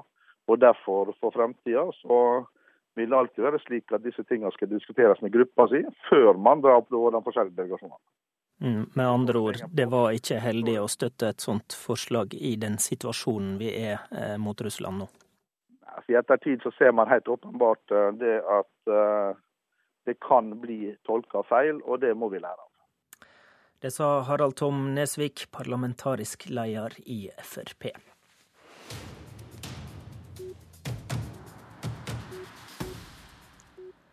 God morgen, Venstre-leder Trine Skei Grande. God morgen. Hva er du mest fornøyd med å få til som støtteparti for regjeringa for tida? Fordi at vi har en samarbeidsavtale med regjeringa, så har vi fått til et taktskifte innenfor miljø- og klimapolitikken. Med det vi har fått til gjennom budsjetter, der nå alle andre drivstoff enn bensin og diesel er billigere enn de gamle fossile. Det vi har fått til et kutt i klimagassutslippene, som har som mål om å få til 40% kutt sammen eh, med EU. Og så har vi fått gjort mye på gründerskap, på skole og andre saker som vi gikk til valg på. Men jeg tror kanskje at det taktskiftet vi ser innenfor klima- og miljøpolitikken, at nå endelig har en statsminister som snakker om det grønne skiftet vi skal gjennom, det har tatt lang tid, men nå er vi der. Så det grønne kommer først på den skrytelista. Ehm, Regjeringa ville flytte iskanten i Barentshavet, altså definere at den går lenger nord enn i dag. Eh, Stortinget sendte den saka tilbake til regjeringa. Ser du på det som en miljøpolitisk seier? Ja, Det la i hvert fall grunnlaget for at eh, regjeringa må komme tilbake til Venstre og KrF, fordi at eh, iskanten står som en del av samarbeidsavtalen. Eh, det dumme her er jo at den forrige regjeringa åpna dette ballet opp i nord. Jeg tror jo at det kommer til å bli vanskelig å helt tatt få til å drive oljevirksomhet der, når vi ser oljeprisens utvikling og hvor dyrt det er å ta ut denne oljen. Men for oss er det viktig å bevare de veldig sårbare naturområdene som her er snakk om, og som er veldig produktive når det gjelder proteiner fra havet vårt, nemlig fiskeproduksjonen vår. Så nå ser jeg for meg at nå bør regjeringa banke på døra til oss og prøve å få til en enighet. Og de vet godt hva som er viktig for oss, det er å ta ut de mest sårbare områdene. Men det er samtidig en prosess på gang eh, med, eh, med utlysing av 23. konsesjonsrunde i dette området. Eh, hva gjør du hvis regjeringa går videre med den prosessen? Ja, Nå har de hatt et forbehold om Stortingets behandling i sin utløsning av 23. konsesjonsrunde. Og Stortingets behandling var klar. Den definisjonen som regjeringa sendte til til Stortinget, den ble sendt tilbake igjen. Så, Så du da, mener du har stoppa dette, da? Jeg mener at nå har vi i hvert fall kommet oss i en posisjon der regjeringa bør komme til oss og, og få definisjon i samarbeidsavtalen. Eh, for vi har ikke stoppa prosessen, men regjeringa har en samarbeidsavtale der iskanten står referert, sammen med Lofoten, Vesterålen, Mørebanken, Ytre Senja eh, og Skagerrak. Og da bør de komme tilbake til sine samarbeidspartnere for å sikre at de har flertall for det de skal gjøre. Og jeg tror de vet godt hva Venstre mener i denne saken. Du var svært kvass mot Frp i eh, forrige uke til ditt landsstyre. Eh, du sa da at det har dukka opp et nytt eh, og et uakseptabelt Frp. Hva er det du misliker så sterkt? Nei, jeg må si at Etter vi hadde Nydalen 2, etter vi møttes igjen etter, og evaluert budsjettprosessen og fant bedre måter å jobbe sammen på, så har samarbeidet med regjeringa gått mye bedre. Så vi ved revidert nå, og ser vi ved andre saker også. Eh, Utfordringa fra uh, vårt synspunkt er at vi plutselig forholder oss til to Frp. Vi forholder oss til ett Frp i regjering og ett Frp utafor regjering. Uh, og det har ofte ingen sammenheng. Uh, det har sånn at Robert Eriksen kan sitte inne i regjeringa, forhandle fram et trygdeoppgjør som Frp utenfor regjeringa stemmer imot. Eh, vi opplever at eh, Frp kan sitte i regjering og forvalte et forlik om å ta imot flyktninger, som da FrPs stortingsgruppe er imot, men de skal sette det ut i livet som, eh, som statsråder. Så det er denne todelinga av Fremskrittspartiet som jeg syns er vanskelig. Der, er, det Fremskrittspartiet vi har inni regjeringa, har vært lettere å samarbeide med de siste tida. Og du reagerte særlig på stortingsgruppa sitt vedtak om folkerøysting? Ja, det syns jeg. Å legge menneskerettighetene til andre mennesker ut på folkeavstemning, det Det gjør man ikke i et eh, sivilisert demokrati, mener jeg.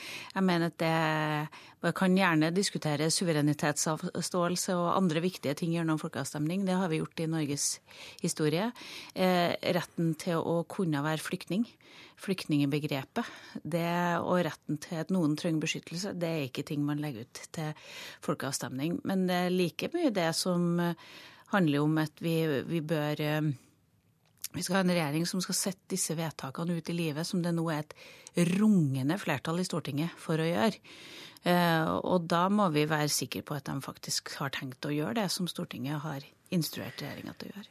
Tror du det kan bli en realitet i den stortingsperioden her, at vi går fra ei blå-blå regjering til ei blå-grønn? Ja, Det å spå i politikken, det, det, er ikke så lett. Men det er klart at for Venstre så gikk vi til valg på at vi ønska en blå-grønn regjering. Det er Venstres mål at vi skal få en blå-grønn regjering. Det var ikke den regjeringa her vi gikk til valg på. Eh, så jeg håper jo at vi kommer til å se det. Jeg tror det har vært en mer Håper du Frp skal gå ut, da? Nei, jeg håper at Venstre skal kunne gå inn, og at vi klarer å Ja, Men det henger vel sammen, det der? Det er klart at noe av dette henger sammen, og det handler jo om politikk, fordi at det er vanskelig. og Jeg ser ikke for meg hvordan eh, Venstre skulle ha klart å hefte for, eh, for det å f.eks. gå til folkeavstemning om flyktningemottak. Eh, det, det ser jeg for meg som vanskelig å gjøre. Men du var faktisk seriøs da du etter denne Syria-avtalen, etter at Per Sandberg hadde lefla med kabinettspørsmålordet, og du sa at Venstre er klar hvis Frp går ut? Det, altså, det er et seriøst budskap fra de side? Vi har hatt et seriøst budskap hele tida, at vi ønsker oss en blå-grønn regjering. Jeg tror det har vært bedre for Norge. Det har vært eh, bedre, også vært en mer populær regjering, fordi at det å samarbeide mot sentrum alltid treffer folkeviljen mer enn når du skal samarbeide mot ytterkanten.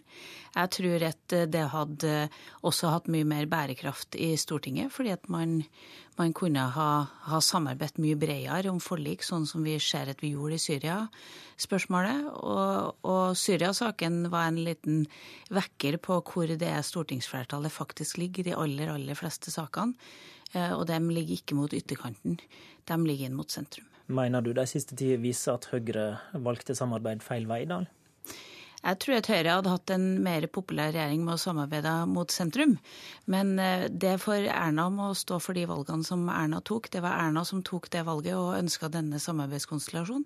Da er Venstres jobb å få mest mulig gjennomslag for politikken. Og vi ser jo det det er jo flertallet som bestemmer.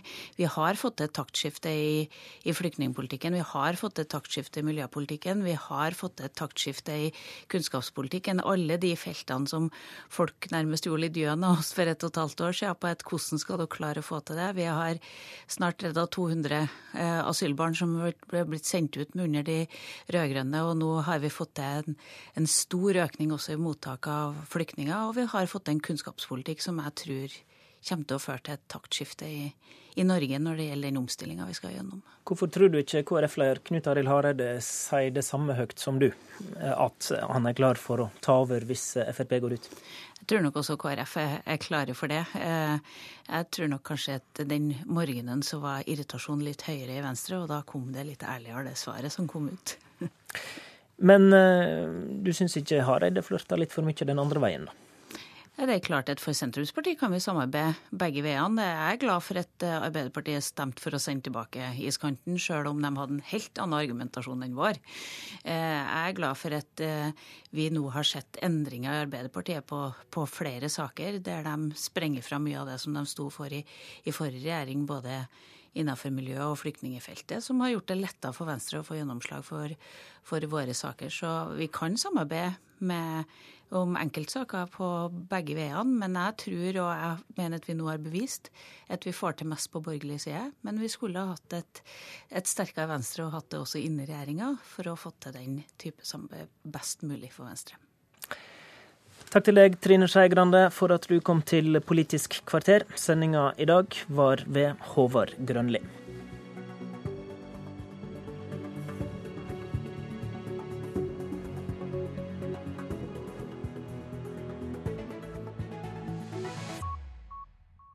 Hør flere podkaster på nrk.no podkast.